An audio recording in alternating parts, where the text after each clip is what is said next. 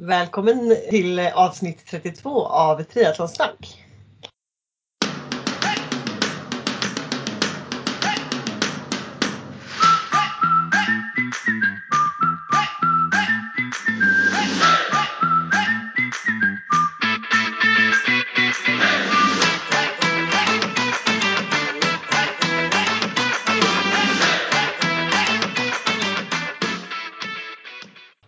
Sofia Häger och Therese Granelli. Tjena! Hur är läget? Det är bara bra. Det här blev det sämsta starten ever, men det kanske blir roligt. Vi är inte så synkade. Nej, jo, men jag, jag svarar först då. Jo, men det är eh, bra med mig. Jag är lite småstressad, har lite mycket på jobbet, men det ska man väl vara tacksam för. Men sen är det ju underbart att det håller på att bli vår. Så att träningen går faktiskt väldigt bra. Jag tycker det är underbart härligt att cykla och springa ute just nu. Ja, det är ju fantastiskt väder och som du säger där, man ska ju verkligen vara tacksam att du har mycket att göra för det är ju tvärtom för många. Ja precis, uh. lite det jag försöker mm. intala mig själv också. Ja. Hur är det själv?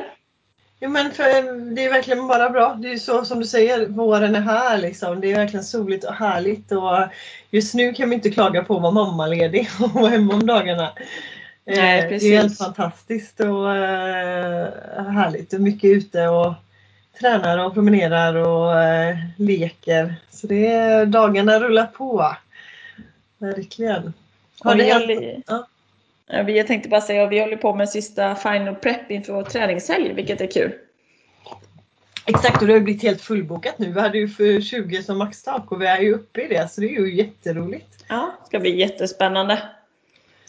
Eh, ja, verkligen. Så, eh, ja, så kul att träffa alla också som ska komma. Det ser vi fram emot jättemycket. Få lite, mm. Mm, träffa nya triatleter. Ja, så hoppas vi att det blir lyckas. Vi kan göra det flera gånger. Det är väl ja, det. Och vi kan flytta och göra något här nere i Göteborg med. Ja precis, vi får väl turas om lite tänker jag. Exakt. Eh, ja, nej, det ser vi fram emot. Det börjar närma sig nu också. Det är bara, vad blir det? Två och en halv vecka? Två? Ja, just det. Mm. Hoppas att vädret hinner värma upp lite till. Ja, speciellt så. i vattnet.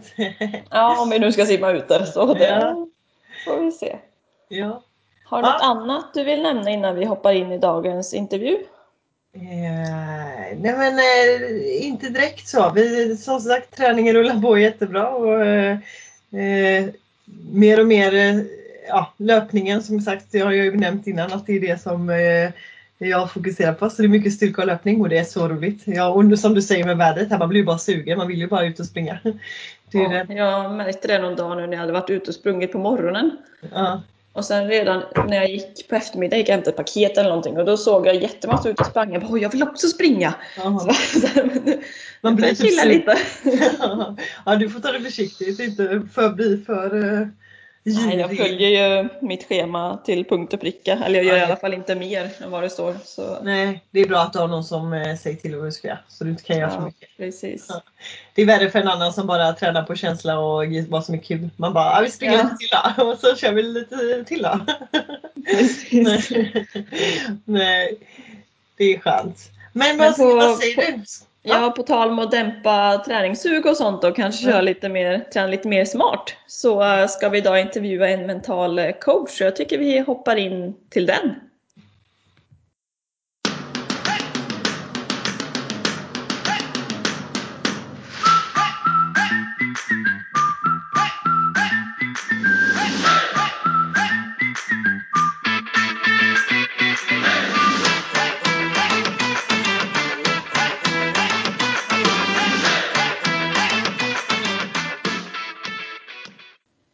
Ja, så idag har vi fått äran att eh, få ett samtal med Patrik Jarnstam som är mental coach och föreläser inom mental träning och ledarskap.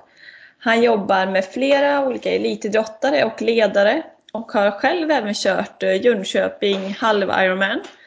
Så han är lite inne i triathlon och vet vad som krävs.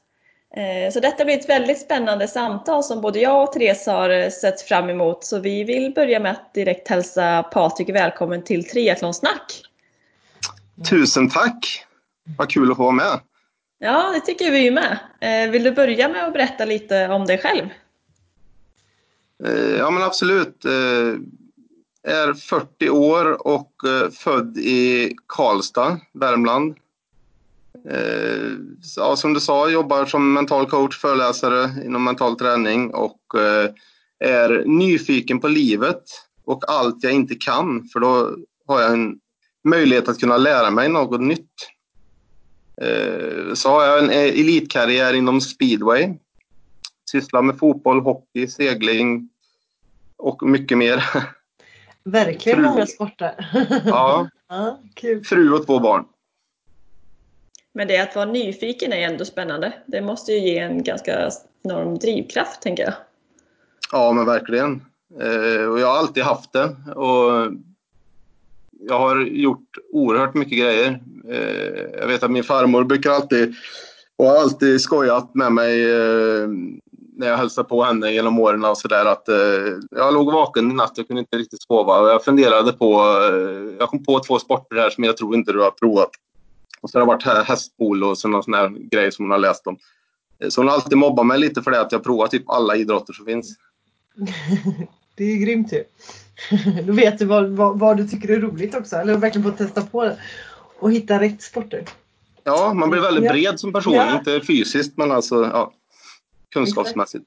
Ja, grymt. Men hur och när kom du in på eh, träning och just långdistans? Uh, ja, men jag, jag har alltid haft väldigt lätt och naturligt för löpning eh, och i och med att jag höll på med fotboll och hockey som grabb väldigt tidigt så har alltid träningen funnits där. Men eh, jag har väl aldrig haft något behov egentligen att springa längre än en mil. Eh, sen var det för, eh, ja kan det bli, sex år sedan eller något, så fem, sex år sedan, då blev jag medbjuden till Bagera fjällmaraton i Sälen utav en kompis till min fru. Eh, och som vanligt så säger jag ja. Tänker sen. Eh, men jag la upp en plan, jag, jag trodde på det och jag, och jag, förstod vad jag behövde liksom göra på resans väg. Och eh, där någonstans började. Och sen blev jag eh, nyfiken på eh, vår lokala triathlon-tävling Görslitet i Karlstad här som I2IF de arrangerade, så då körde jag den, en sprint och eh, då var jag nyfiken på, eh, på triathlon och blev biten. Eh, och då spände jag bågen mot Ironman Jönköping. Första året de körde.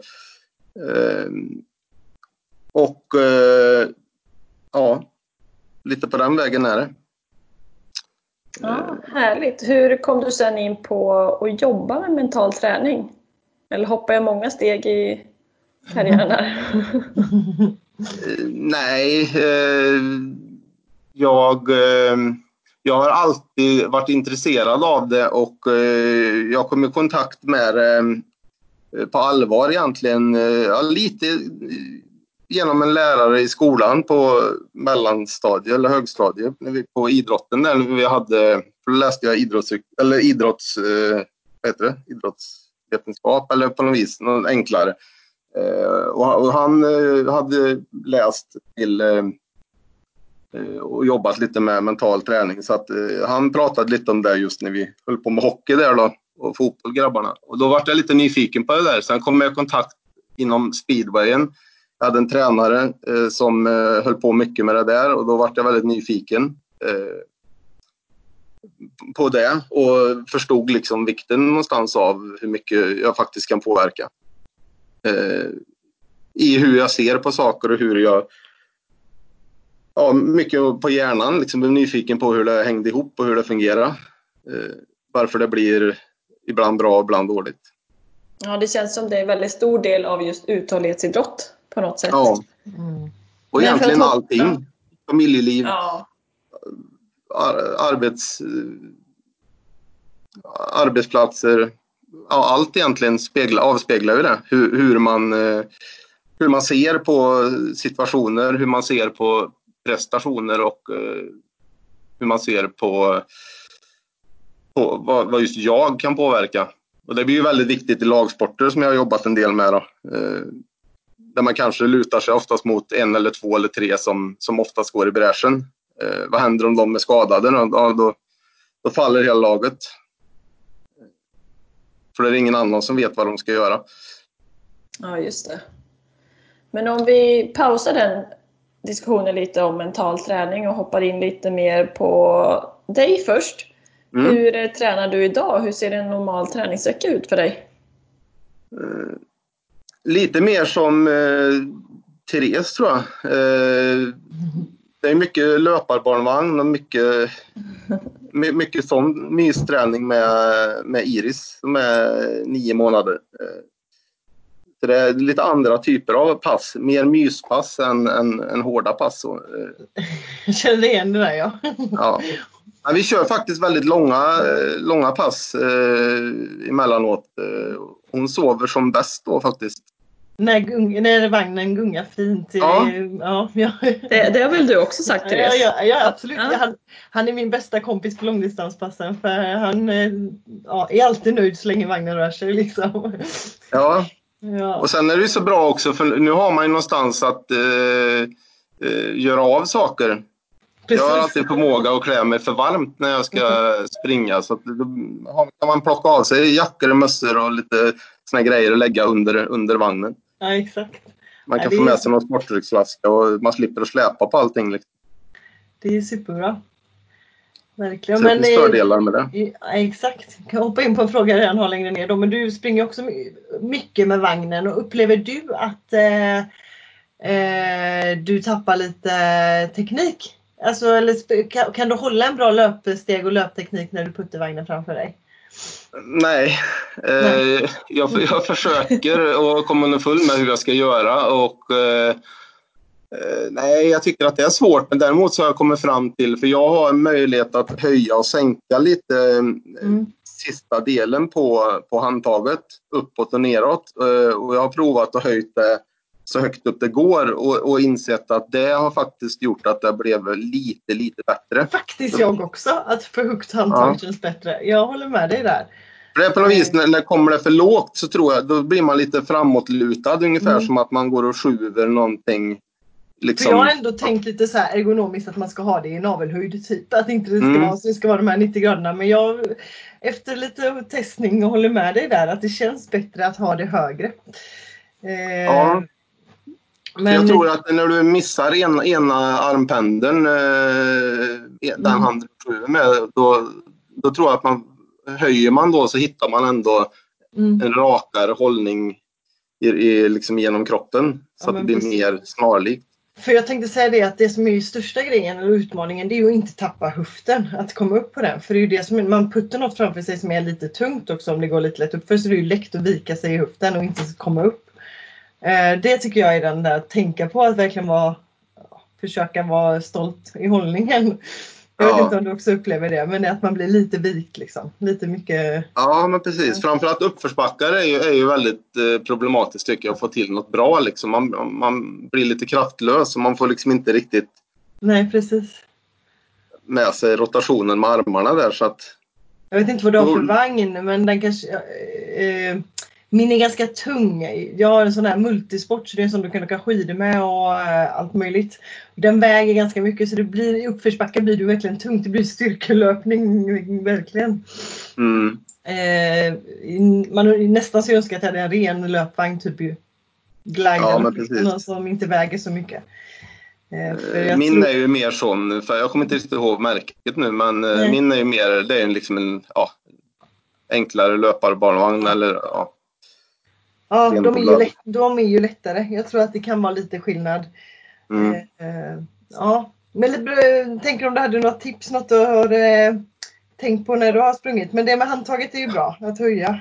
Ja, det är väl det, det, är väl det liksom som jag har, har varit mest revolutionerande. Sen försöker jag väl att, och, och, om man ska prata lite ja, mentalt, att, att jag liksom försöker att och, och påminna mig att eh, på med att, att hålla hållningen, att, liksom, mm. att jobba, jobba med, med, med, det, att påminna mig hela tiden och, och försöka springa så, så, bra jag kan. Och jag hade någonstans visualiserat innan att det skulle vara mycket tyngre än vad det var. Så att eh, mm. någonstans så springer hela tiden och känner att, att, att det är lättare än vad jag hade planerat.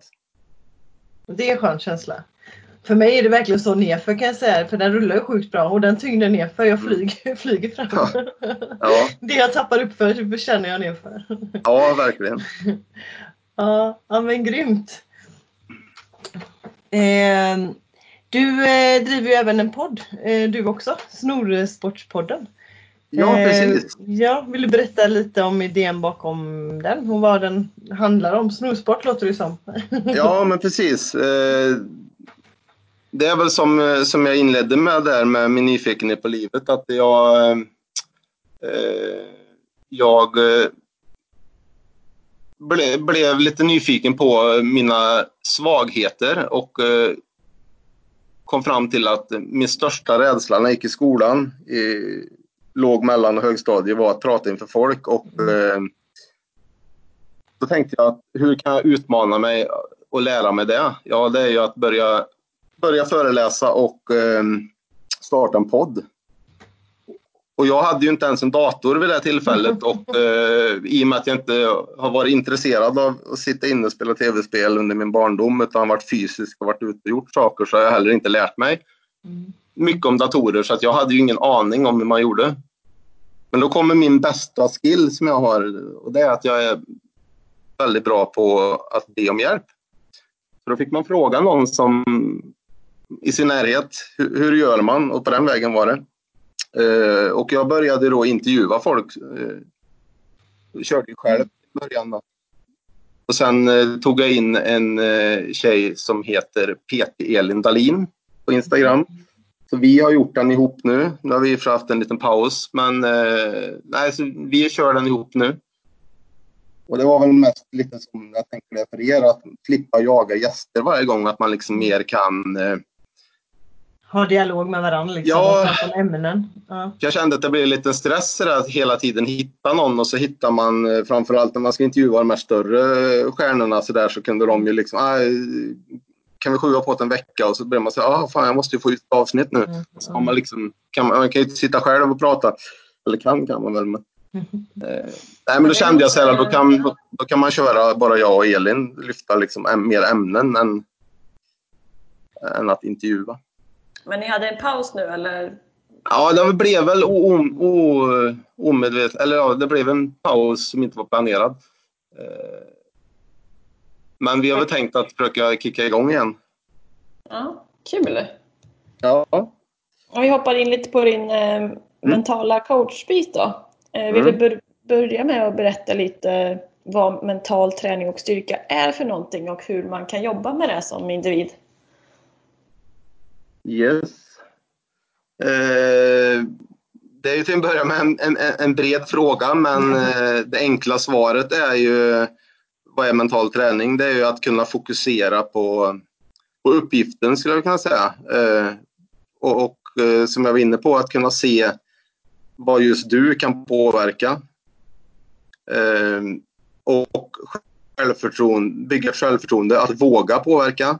Och tre, tron på att det går att påverka. Så det är väl de tre, liksom, att se vad du kan påverka, självförtroende, att våga påverka och tron på att det går att påverka. Eh, och det var lite kul, jag lyssnade på avsnitt 25 med Josefin Svärm där. Mm. När hon släppte resultatfokus, då, ja, då kom rekorden. Mm. Eh, där är man ju inne lite på, på det mentala. Det är ju en del av det, liksom att Det känns, och, och, som man hör, det känns som man hör det ganska ofta ändå. Folk som Ja, har utan väldigt... att de vet att de pratar om det så, så, så hör, hör, man oftast liksom att, eh, och jag som är lite nördig i det, jag hör, jag, när jag läser tidningar och sportreferat eller hör på radion så sitter jag nästan och, och svär och lever, lever ut i bilen ibland. Att... Läser mellan raderna?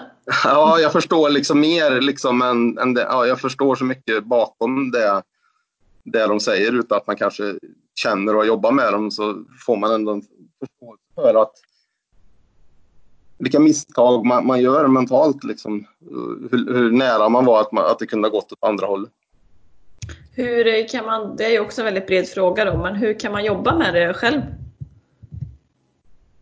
eh, en del eh, som jag använder mycket själv och, och försöker att använda på de, eh, de jag jobbar med, det är ju att visualisera.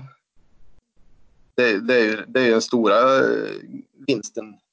För eh, du kan ju faktiskt påverka, påverka hjärnan eh, genom att lura den att, att du är bättre än vad du är eller att du kan göra någonting som, ja, som i mitt fall, då, alla grejer jag har provat som inte jag hade gjort innan. Att, att jag går alltid in och, och visualiserar och jag ser, jag ser alltid liksom slutfinishen på det jag ska göra. Och jag går igenom det som en film så många gånger så att min hjärna tror alltid när jag sätter igång att jag redan har gjort det massa gånger och det finns massa positiva minnen, bilder och känslor av hur jag ska göra, hur det kommer kännas, eh, varför jag ska göra det och eh, ja, men jag får alla de här viktiga svaren.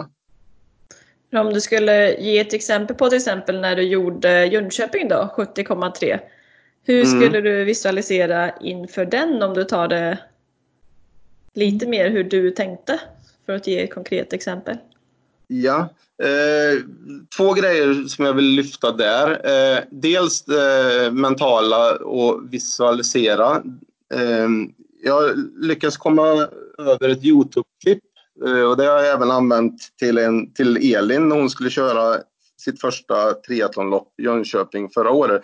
Eh, tipsade en henne om samma grej. Att då hörde jag den här spiken, det var någon som hade filmat och lagt ut. Eh, då lyssnade jag på den där spiken som stod och ja, så där så hår, håret reser sig på armarna. Eh, så den, det var en grej som jag, som jag alltid hade med mig varje träningspass. Varje simpass i bassängen, varje löppass, cykelpass i gymmet. Så, så hörde jag den där när jag, sprang, jag såg mig själv springa på mattan. Det var liksom enda delen jag hade med. Och sen så hörde jag han ropa Patrik, you are an Ironman och liksom hörde den pumpande musiken, applåderna. Eh, sen brukar jag använda mina vänner och min familj. Jag ser dem stå i målfållan och så ser jag dem alltid glada. Och de är glada för min skull.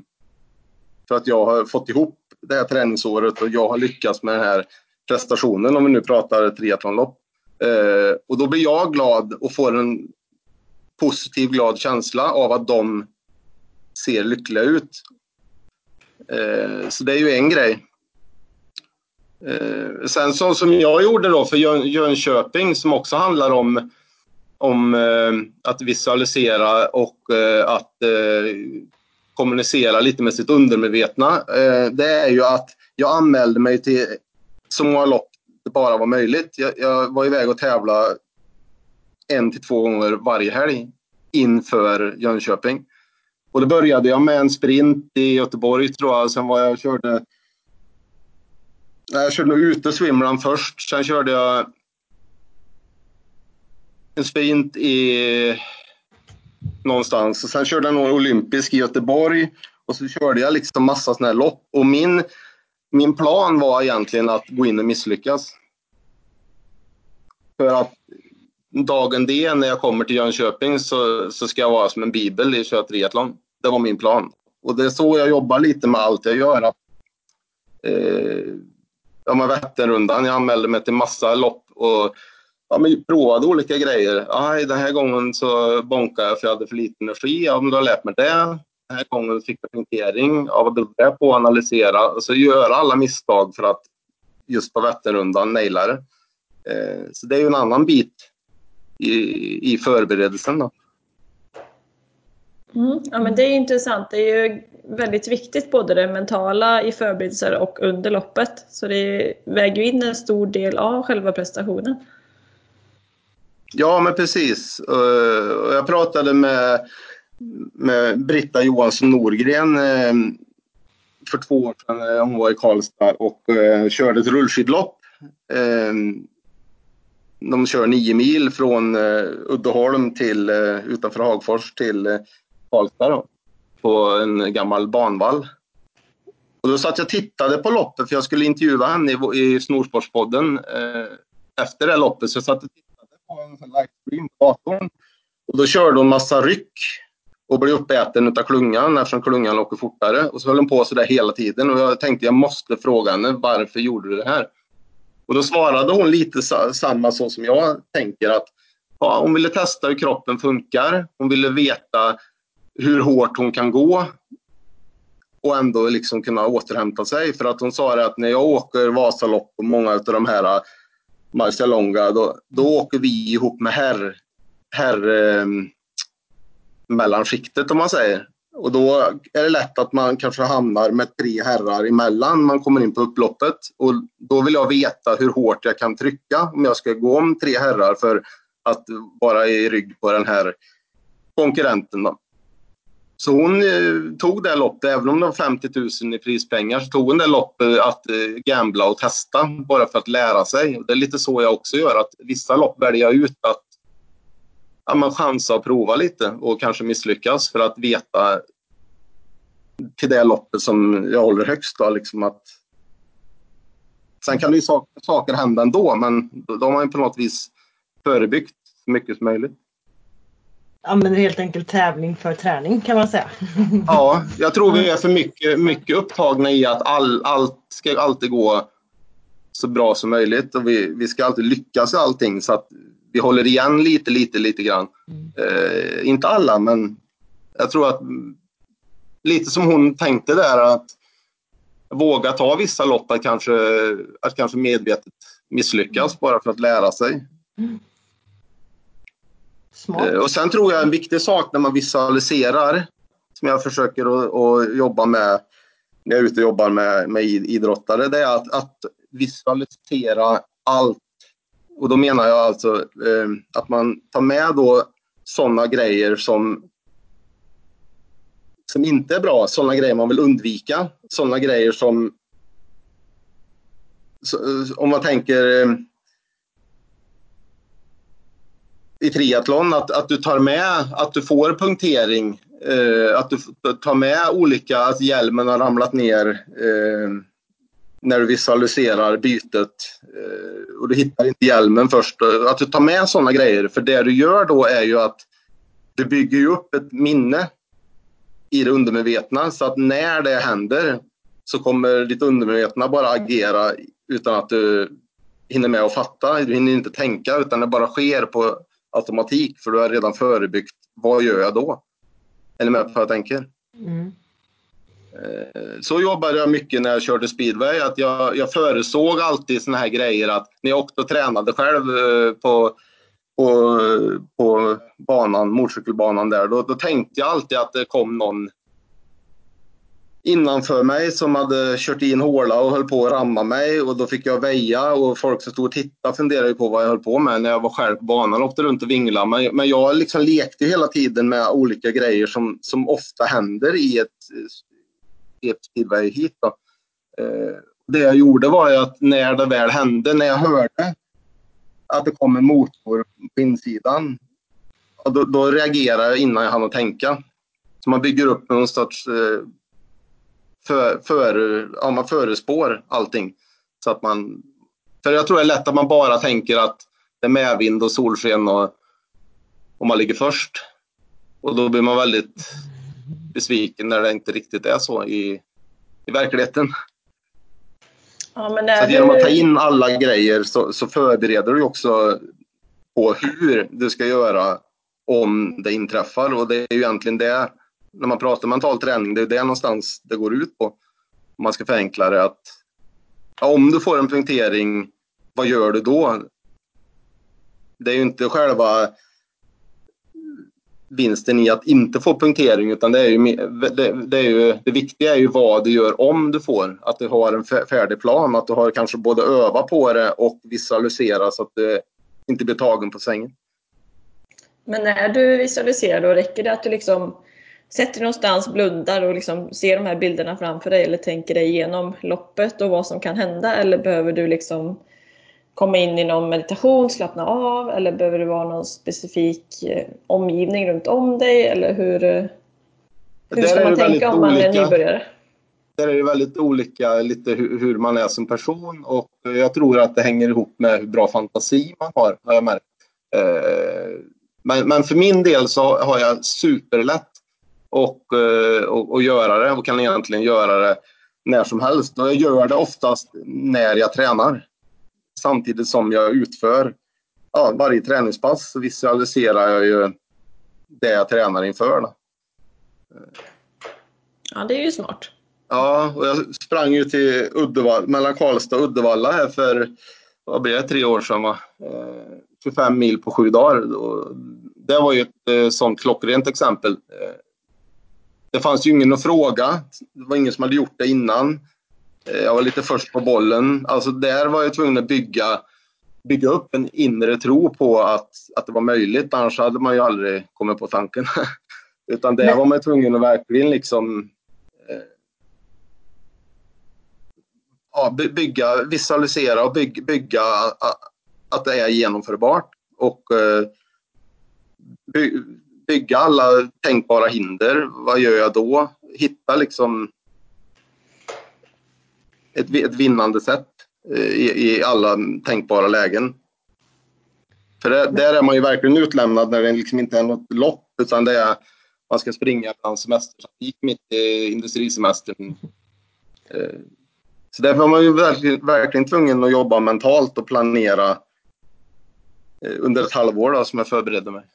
Men när du ändå hoppat in på eh, den här resan, vill du berätta lite mer om den? Varför du gjorde det kan vi väl börja med. Varför, varför sprang, skitade du på den här galna grejen och springa så himla långt?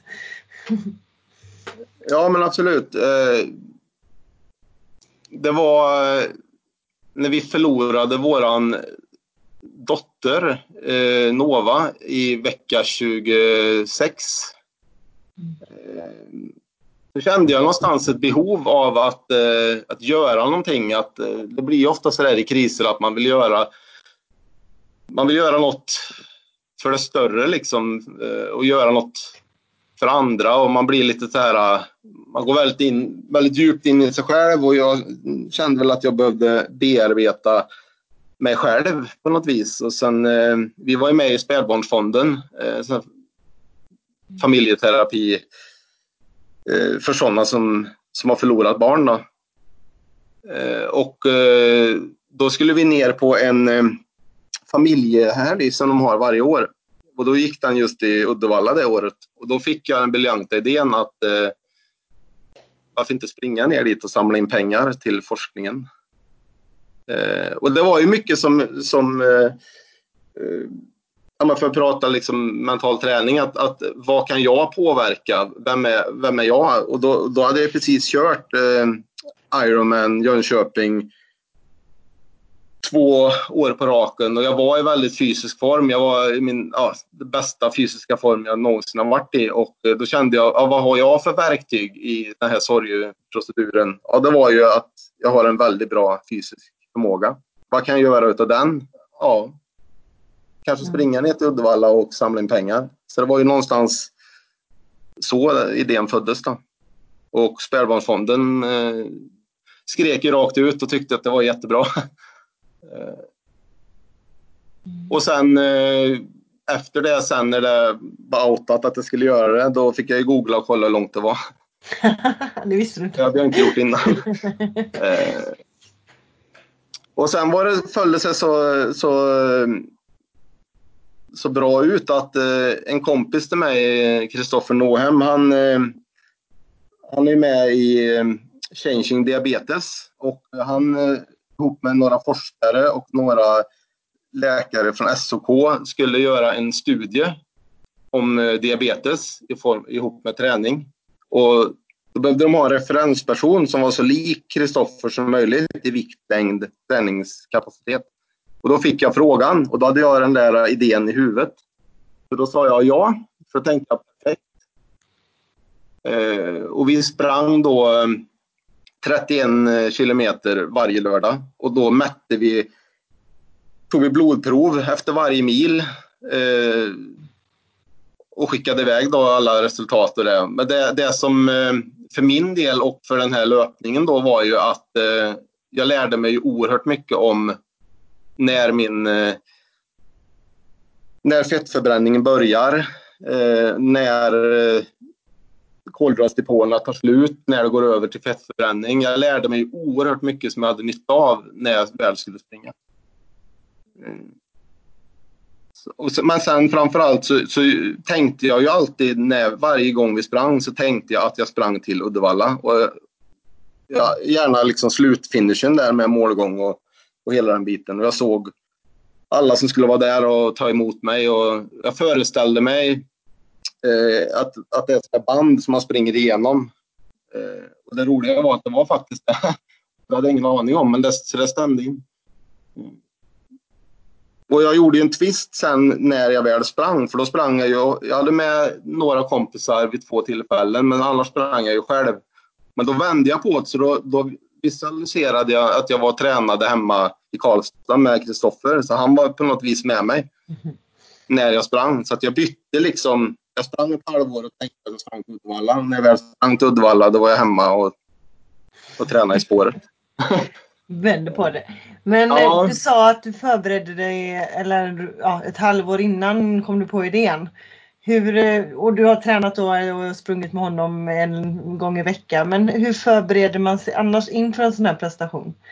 Hur, vad gjorde du för att vara redo när det väl var dags?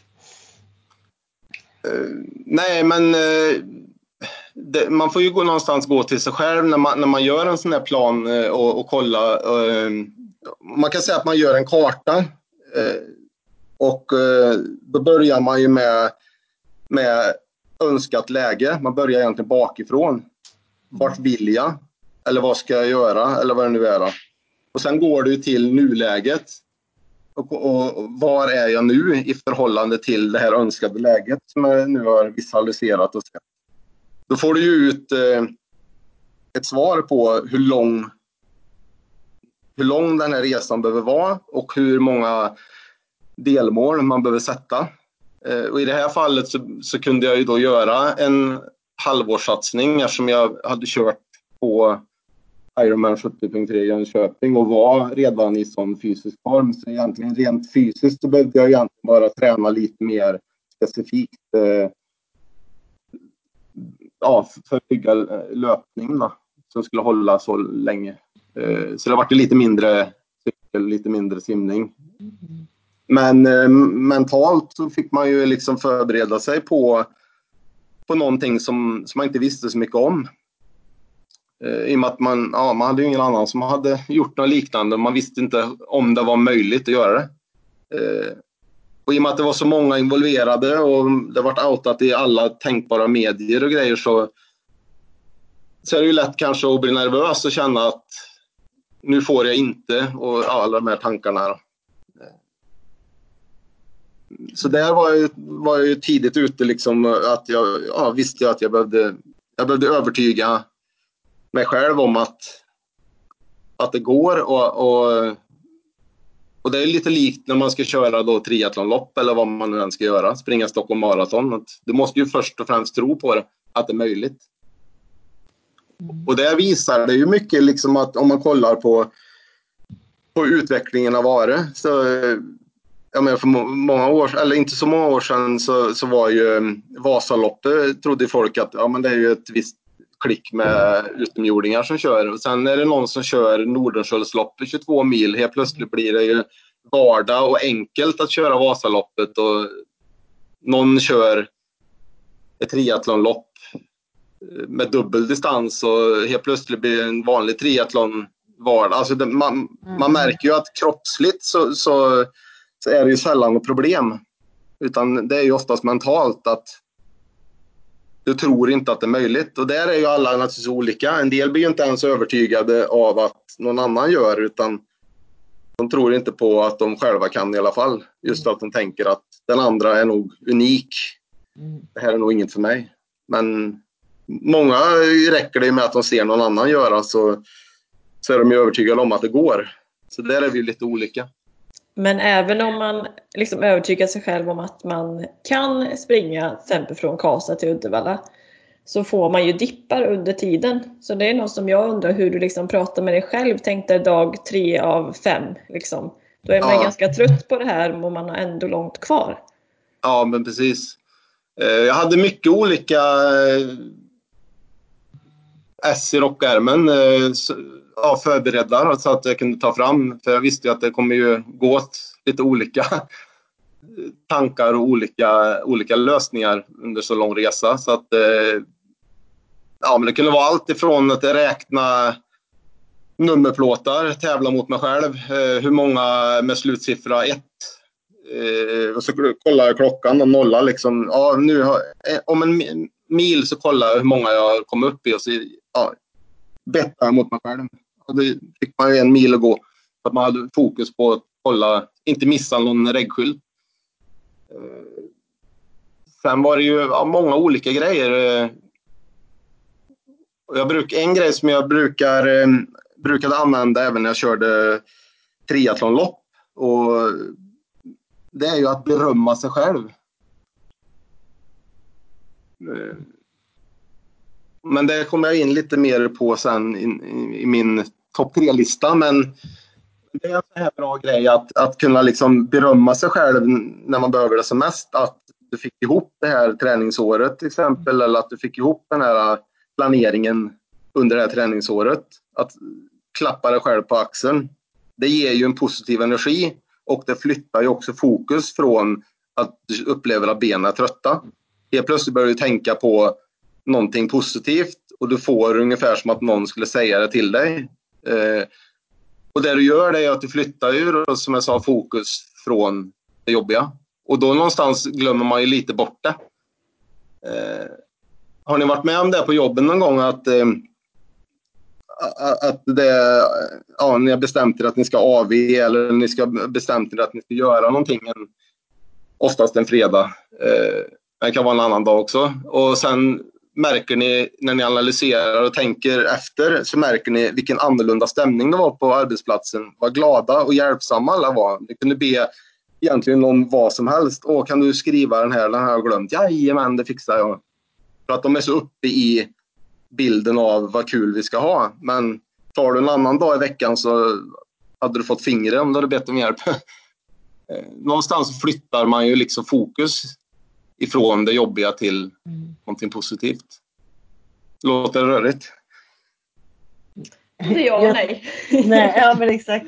Jag själv brukar nog jobba lite på det sättet skulle jag säga.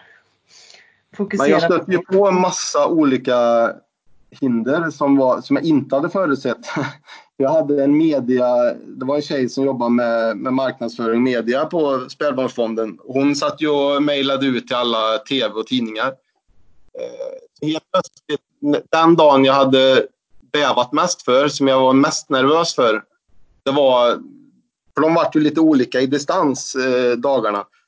Eh, beroende på att man hamnar så jävla konstigt till liksom, om man skulle dra. För helst vill jag springa typ 31 kilometer varje dag, men där hamnar man kanske mitt i motorväg, jag på att säga. Men, så de, de blev lite olika. Eh, dagarna. Men då var det näst sista dagen skulle jag springa 46 kilometer.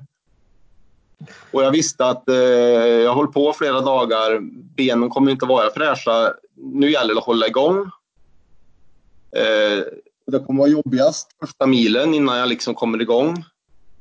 Och när jag precis har sprungit en mil och kände att det började vända och jag kom in i en bra podd som distraherar mig och lite sådär. Då ringer TV4 och vill komma ut och göra en intervju. Eh, och den intervjun tog ungefär en timme. Med att jag skulle springa lite fram och tillbaka och de skulle filma lite för att ha liksom till klippet. Då. Eh, och det var inget jag hade förutbestämt. Så efter det sen fick jag ju göra den här första milen igen för då hade mina ben dött. Liksom. Och min hjärna hade ju tänkt att ja, vad kul, då var, det, var vi av med ännu en dag då liksom. Och då inser jag att fan, jag har hälften kvar nu. För när de väl kom så hade jag sprungit halva, halva sträckan, så jag hade så halva kvar. Så då fick man någonstans börja hitta nya mentala verktyg och nycklar för att ja, komma igång och eh, att ja, det det handlar om, förflytta sig. så där var det ju många tankar som ville liksom, nej, skit det. Ta en taxi och... Men hur, hur många dagar och eh, hur många mil var det totalt? Eh, sju dagar och eh, 25 mil totalt. Ja, det är galet. Mm. Så det var ju... Och där är det också lite kul mentalt att hur, hur hjärnan snabbt eh, anpassar sig. Mm. Eh, för då sprang jag ju, ska man komma ihåg rätt, första dagen sprang jag 29 kilometer, sen sprang jag två dagar på raken där jag sprang 38 kilometer tror jag. Och sen vet jag att jag tänkte dagen där på att åh vad gött, imorgon är det bara tre mil. Och det är ju ändå ganska långt. Ja. Men det blir på något vis, hade jag vant mig vid att springa 38 så tyckte jag att åh vad skönt, imorgon är det bara tre. Det blir lite så här återhämtningsdag. Där är ser man ju lite hur hjärnan funkar.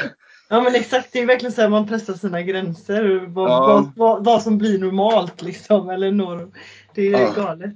Alltså, Och jag näst sista dagen var det 46 kilometer och sen då var det ju bara tre mil sista dagen.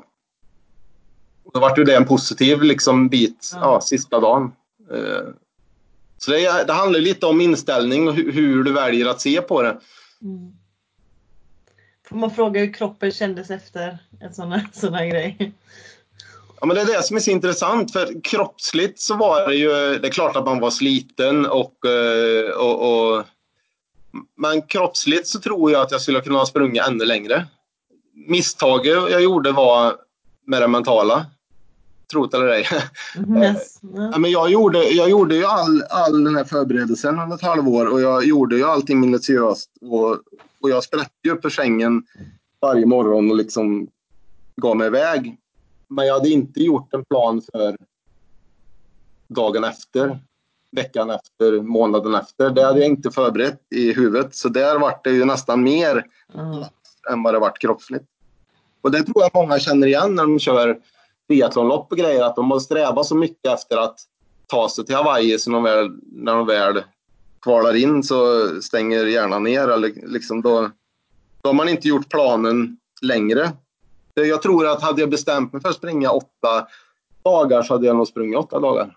Mm. För att då hade jag mentalt ställt in. Men nu skulle jag ju springa sju dagar, 25 mil och när klockan liksom slog 25 mil då stängde, liksom, då var, då stängde hjärnan ner som på som batteriet bara dör liksom.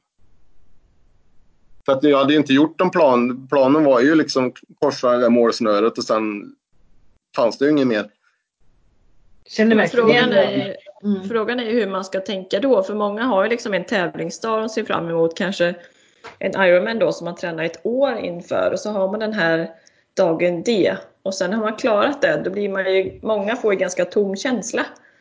Ja, Efter och vet liksom inte, de vet inte vem de är, de vet inte vad de ska göra. Ska man liksom Vad ska måla upp någon, Ja. vad ska man ha för målbild egentligen då? Eller ska man planera veckan efter också? Ja, Eller vad har du för Man ska tips? förbereda, visualisera även det. Så att, du, så att du har en färdig plan för hur det kommer kännas, hur du kommer att må, hur du kommer att tänka, hur du kommer att agera. Liksom, så att du har det färdigt. För jag tror att ställer man in sig på och, och gör en, en noggrann visualisering på exempelvis om man kör då en, ett sent kval Kalmar och sen så är det nära till Hawaii. Då, då tror jag att det är lättare att växla om. Jag tror kroppsligt så är det ju inget problem. Eh, men jag tror det är, eller jag vet att det är till 98 procent mentalt egentligen som, som, eh, som det kan bli problem. Att du är, jag hör ju så många som säger att när när jag väl kom dit, liksom, mitt mål, och så, och så blev det liksom inte som jag hade tänkt eller jag blev inte som jag hade velat. Eh, men frågan är vad de egentligen hade för, för plan mentalt. Vad de egentligen hade förväntat sig att, att de skulle uppleva, göra, känna. Jag tror inte man riktigt gör den planen för fokuset är hela tiden att kvala i Kalmar eller vart man nu kör den. Jag tror att man behöver liksom ha med hela, alltså, hela spektrat och, och förbereda sig på, för kroppen återhämtar sig ju oerhört fort. Bevisligen. Ja, om vi hoppar vidare då till eh, det är en lyssnarfråga vi har fått in från flera Mm. faktiskt. Ehm, Så många nu i den här situationen vi är i nu så har ju många Mm. ofta tävlingar som mål som vi har pratat om. Eh, hur håller man då motivationen uppe nu när tävlingar en efter en blir inställda? Och man kanske liksom, sitt mål försvinner. Hur ska man tänka då och sätta upp nya mål? Eller hur, hade du, hur hade du coachat någon som kanske ska köra Kalmar och den blir inställd nu? Ja men precis. Det här är ju det här är verkligen på tapeten nu. Mm. Eh, och det, det är så många idrottare som, som lever i, i livskris, bokstavligen. Eh, och jag tror ju att det kommer bli lite skämtsamt. Det kommer bli en tävling i coronakris när det väl släpper. Eh, och vad menar jag med det?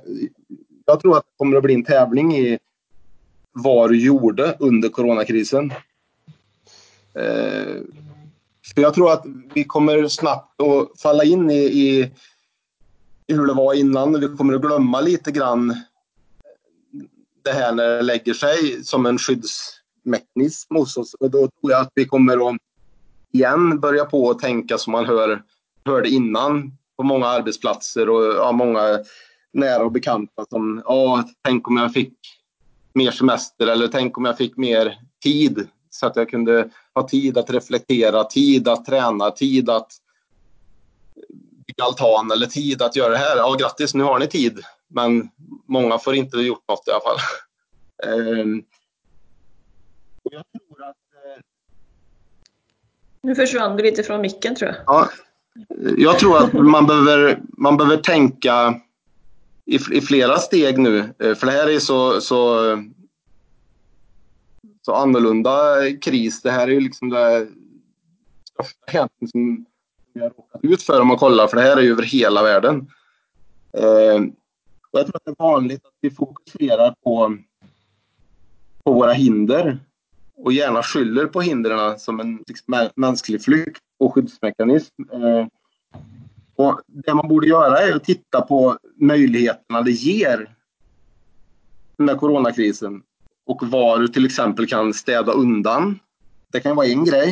Eh, det här är ju svårt ska jag säga att svara på generellt för det här är ju upp till vilken person du nu pratar med. Men, men en grej som man skulle kunna göra är ju att kolla på om du har kanske några skador, småskador. Nu har du ju läge att kunna bygga om från början, ta hand om dem, kolla den här vaden, eh, bygga mer i gymmet, hitta liksom och det är det jag tror det kommer bli en tävling, coronakris, att den som tog hand om den här tiden på bästa sätt kommer ju gå vinnande sen när det väl blir race igen.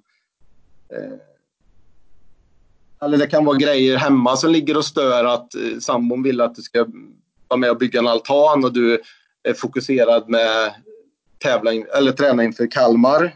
Nu har du möjlighet att kunna bygga altan och eh, dra ner lite på träningen och eh, få en nöjd sambo och få den nöjda känslan med dig när du väl ska köra Kalmar.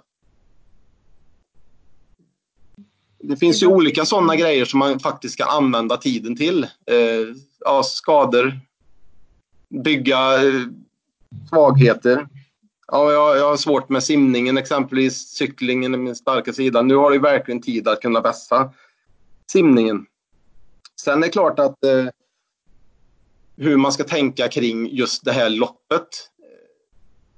Där är det också väldigt olika naturligtvis hur du är som person. Men, men det man skulle kunna göra, för många känner sig ju lurade att de har förberett sig och så får de inte visa vad de går för. Det blir lite som han tjurfäktaren i, på julafton, att han får inte visa hur tapper han är med sin cap och sitt svärd. Att ja, men dra ihop någonting själv då. Gör en sån här välgörenhetslöpning som jag gjorde exempelvis. För då får du ändå liksom, och så kör du det dagen, den dagen som Kalmar skulle ha gått. Då. då får du ändå ut någonting av träningen du har gjort.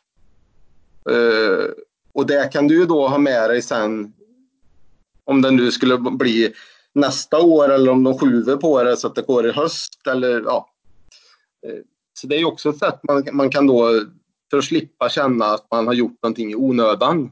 Vilket jag inte riktigt gillar, för jag tycker inte man gör något i onödan. Men eh, det är också en sån här grej man kan göra, eller dra ihop ett kompisgäng. Jag vet eh, en kompis, han ska köra, han har bjudit in massa på Facebook, så han ska köra om det var Stockholm Marathon eller om det var Göteborgsvarvet. Det är faktiskt jag inbjuden till på tal om det. Och göra Ja, Det är en jättebra grej. Han har ju ändå Ja. tränat, kört löpande hela vintern och skulle, fick det där när han fyllde jämnt, eh, hade en startplats. Så kom han inte iväg för det blev inställt. Ja, men då kör vi det, då kör vi det hemma liksom. Antingen var och en på sitt håll eller om man kan träffas i en liten grupp och, och, och köra det. Då.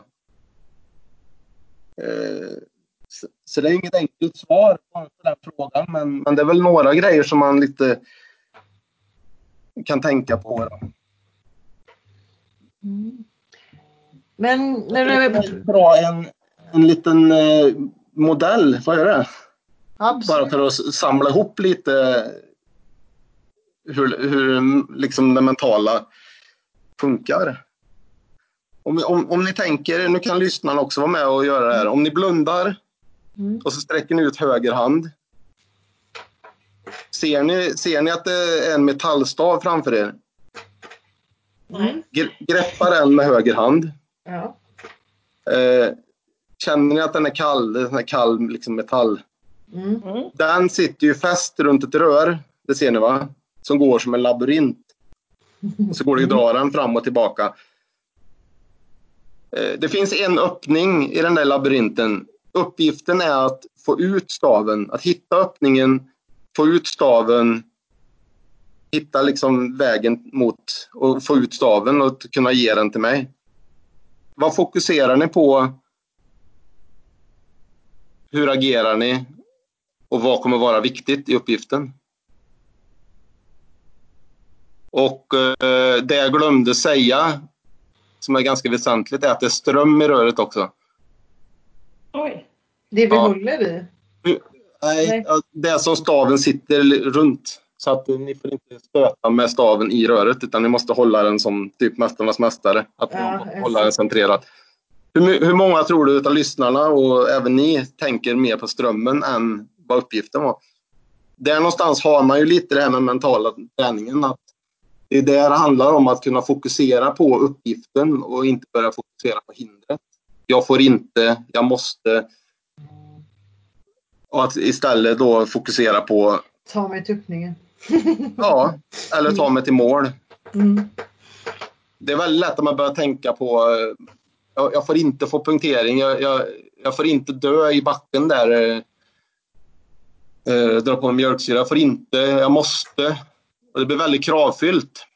Och det ger ju bilder i hjärnan och känslor i hjärnan av att misslyckas eller tidigare misslyckande och det ger en press och det ger en andning som kanske vänder i bröstet. Men om du istället tänker att jag vill och jag kan, då ger det ju bilder och känslor av hur du ska göra och det är någonstans där det handlar om. Att få eh, ett svar hos dig själv att hur du ska utföra uppgiften. Men det är väldigt lätt att eh, jag ser ju det när jag jobbar med både elitidrottare och, och eh, individuellt och även i lag att det är ju väldigt, väldigt vanligt att vi fokuserar på det vi inte vill istället för det vi vill och någonstans tappar bort oss. Ja, och det är Det ju kan- omedvetet. Det Ja, det kan vara ett handbollslag som jag jobbat med som jag såg en match de ledde och sen så slappnade de av lite och gjorde några misstag och så blev det lika och sen när det var två minuter kvar så gjorde det andra laget ett mål och sen låg de helt plötsligt under med ett mål.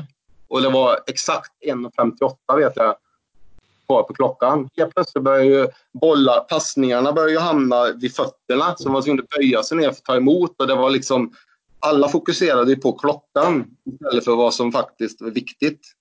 Ett snabbt pass, flytta upp, vem ska gå på avslut, vilken, vilken gurkburk ska vi köra? Eller, helt plötsligt tittar man ju mer, funderar på ja, 56, 55, 52 ja. Så då det är du liksom- menar är ju att hitta rätt fokus och hålla kvar vid det då? Ja, för uppgiften är ju att få ut staven. Strömmen är ju bara ett hinder Mm. på vägen. Liksom. Eh, och det ser man ju på Mästarnas Mästare, hur många av dem som får första stöten får också den andra. Mm. För att då helt plötsligt flyttar de i fokus till att oh, det där var obehagligt, det där får jag inte få igen. Jag får inte stöta här nu, så börjar det på att vandra och sen är det Ja, ute. men det är intressant. Det får ju en, en tankeställare att man verkligen ska tänka på uppgiften och inte på hindren och det man kan påverka och inte det man inte kan påverka. Mm. Eh, Jag gjorde en rolig grej, jag bara kör på här nu känner jag. Eh, Jag gjorde en rolig grej med en innebandyspelare eh, som jag började jobba med mitt i säsongen när de hade kräftgång hela laget. Och, eh, jag frågade den här personen, för jag, vi hade ju inte träffats tidigare, så att jag ville få en bild av vem personen var. Och jag frågade, kan du beskriva dig på planen och, och även privat och sådär? Och då sa personen att men jag är osäker som person och jag eh, ja, men jag, jag har svårt liksom att, att, att, att tro på att jag klarar saker. Men då frågade jag, hur skulle du vilja vara? Och då svarade personen då spel, spelmässigt att eh, jag skulle vilja vara en spelförande back som har mycket boll. Och då kände jag att ja, det rimmar kanske inte jättemycket med det dåliga självförtroendet. Eh, då filmade jag några träningar och några matcher, klippte ner det, skickade, sa att kolla på det här varje kväll när du lägger dig. Efter en och en halv vecka så var ju den här personen bäst på plan och liksom var, spelade med jättepondus och, och, liksom, och fick mer boll. För hon upplevde att hon inte fick eh, liksom boll så att hon kunde ha mycket boll och det är ju någonstans hänger ju ihop. Men helt plötsligt fick hon ju fler bollar att, eh, att passa och, och, och, och bli den spelförande backen för att de andra började ju på att lita på henne. Att hon sände helt plötsligt signaler av, av självsäkerhet. Och då vågade de ju passa henne så att allting på något vis löste sig. Men hon fattar ju inte och jag vet inte om hon vet än idag exakt vad, vad vi gjorde. Men eh, det var ju någon typ av hypnos för att hon fick se då, för jag tog ju en grej utav varje. En passning, ett skott som gick in, en, när hon bröt en passningsväg. Jag tog alla de här olika grejerna. Så hon fick ju någonstans se det innan hon somnade. Att hon har gjort det. Och någonstans tror jag att det blev en hypnos. Så att utan att hon fattade själv så trodde ju hjärnan att gud, det här har du gjort hur många gånger som helst. Om man tänker att man har en vaktmästare i hjärnan som, som ska skicka ner alla beställningar. Nu måste jag skicka ett pass här snabbt upp. Ja, det har du gjort hundra gånger, fram varje gång. Mm. Ja, men det är ju lite som visualiseringen. Bara att Ja. man ser det i riktiga bilder då. Ja, Men nu, nu när du har gett några exempel så, har du jobbat med några triatleter? Kanske någon på elitnivå till och med, eller några andra konditionsidrottare? Nej, inga, inga el- elit-triatleter, men jag skulle gärna vilja. Men eh, en del motionärer. Eh, Och det,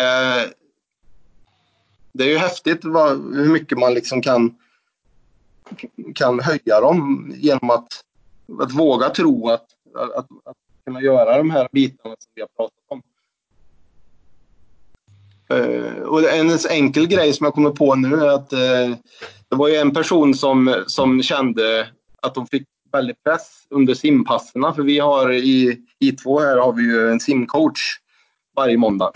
En tävlingssimmare. Och då eh, har vi uppdelat i banor. Så får man ju självsida sig i snabb, mindre snabb och så ner till Eh, och så får man välja den banan man tycker att man tillhör. Och då tyckte hon att hon blev så stressad av att det var folk som slog henne på fötterna och att hon hade svårt att liksom ja, men få ut något av träningspasset för hon simmade hela tiden och liksom blev uppjagad och stressad. Och då sa jag att flytta ner en bassäng i två veckor och så flyttar du tillbaka. Och helt plötsligt så simmar hon ju bättre än vad hon någonsin har gjort.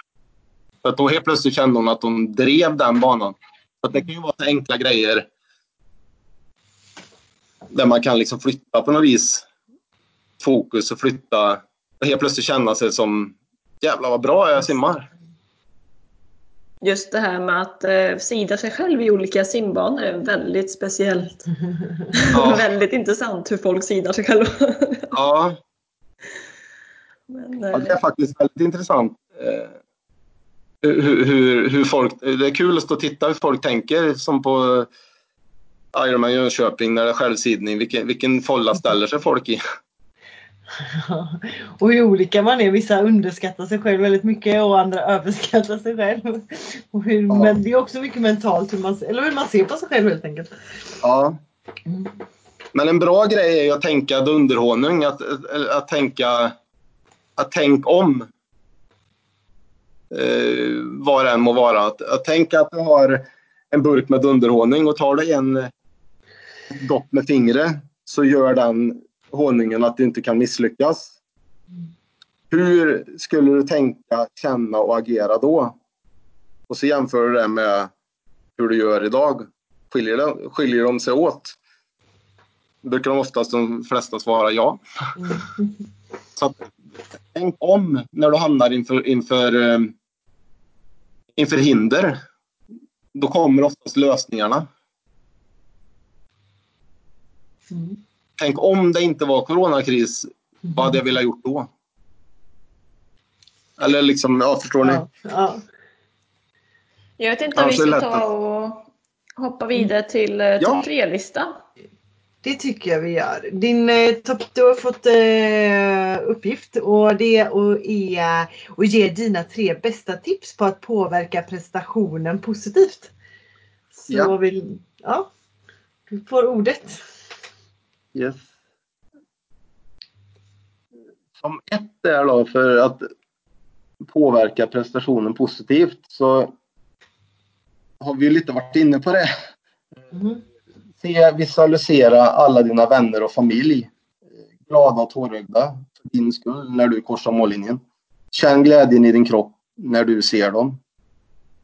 Och så känn gärna smaken av något som du gillar och som du brukar unna dig efter målgång. Och då får man slänga in det när man, när man som bäst behöver det under, under loppet. Då. Mm. Så var jag också inne på det att beröm, sig, beröm dig själv under, under loppet. För att du till exempel fått ihop årets planering efter dina förutsättningar. Ge en mental klapp på axeln och beröm. Fan vad du är grym. Det ger ju energi och ökar driv och fart oftast. Den känner jag spontant skulle vara väldigt svårt att komma in i det mindsetet mitt i liksom en tävling. Att man ska tänka att man har varit duktig med det man har gjort innan när man sliter som ett djur framåt. Men det är kanske något man måste träna på också då.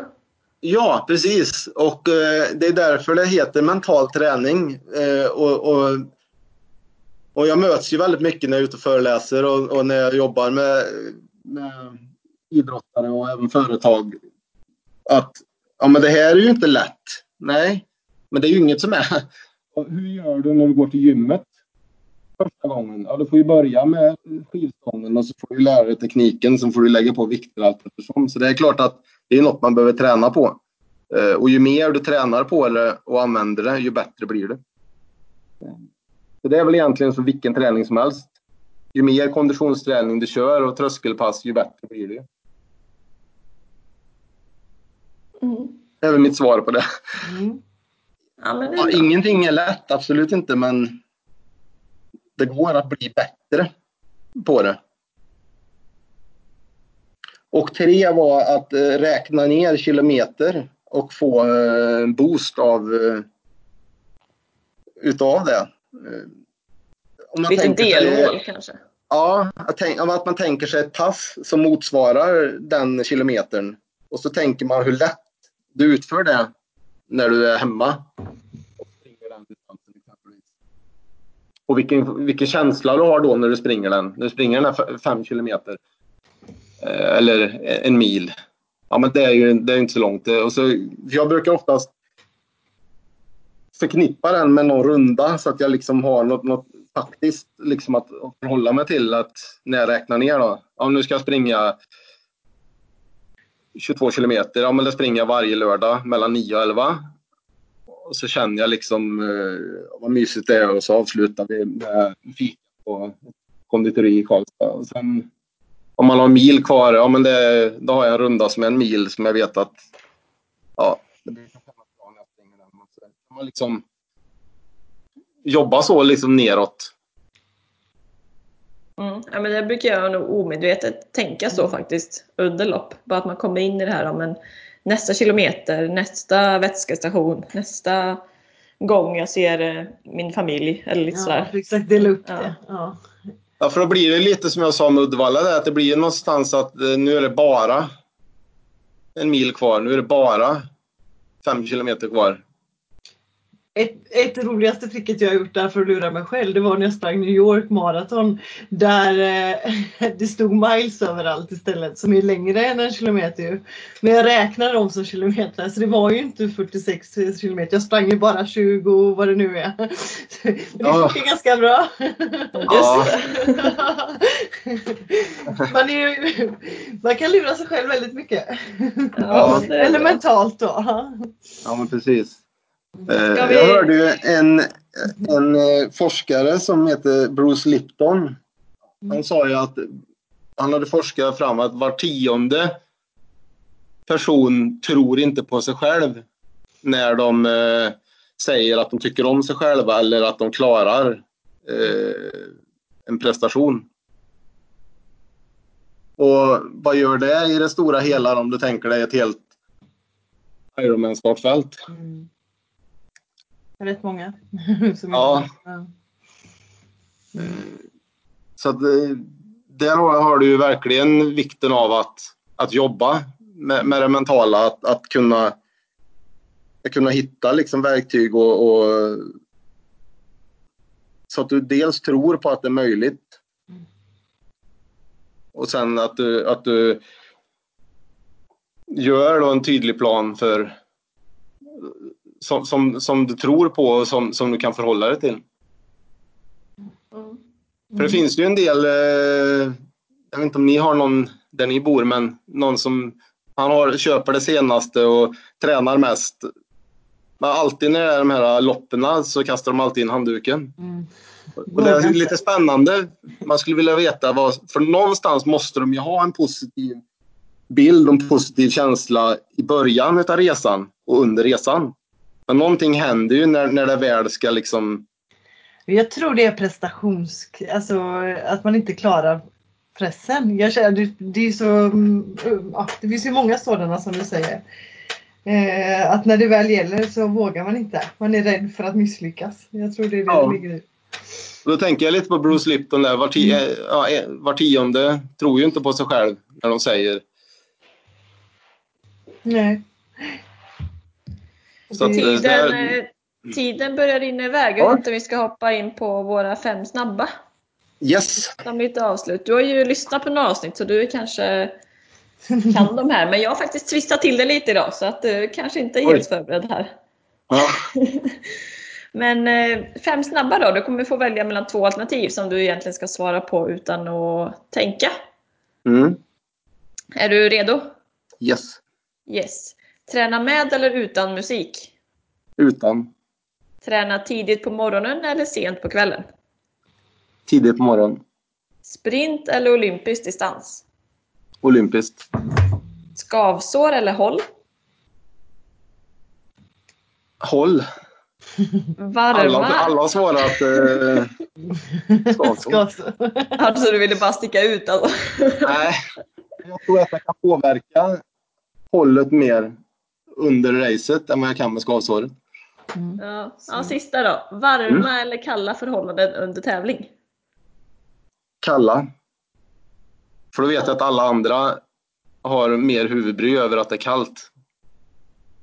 Och då kan jag slå dem. Ja, man har hört vissa sådana här stories som har, liksom, de har slått eh, personliga rekord och sånt när det var typ så här regn och storm och kallt för att då alla andra vikt ner sig i stort sett. Ja, precis. Ja men grymt kul Patrik!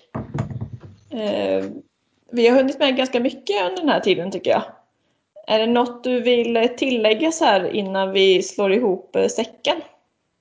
Knyter upp den eller ska du slå upp den? Jag är så dålig på såna här ordspråk så jag, Det är jag med så det var kul att jag fick Jag rätta för någon.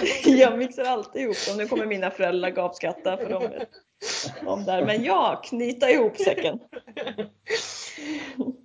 Eh, Men eh, jag kan väl avsluta med vad jag är, är ju baserat på vad jag gjort. Och vad jag vill är ju baserat på vad jag vill lära mig och vad jag vill bli. Ta det en gång till. du hängde inte med.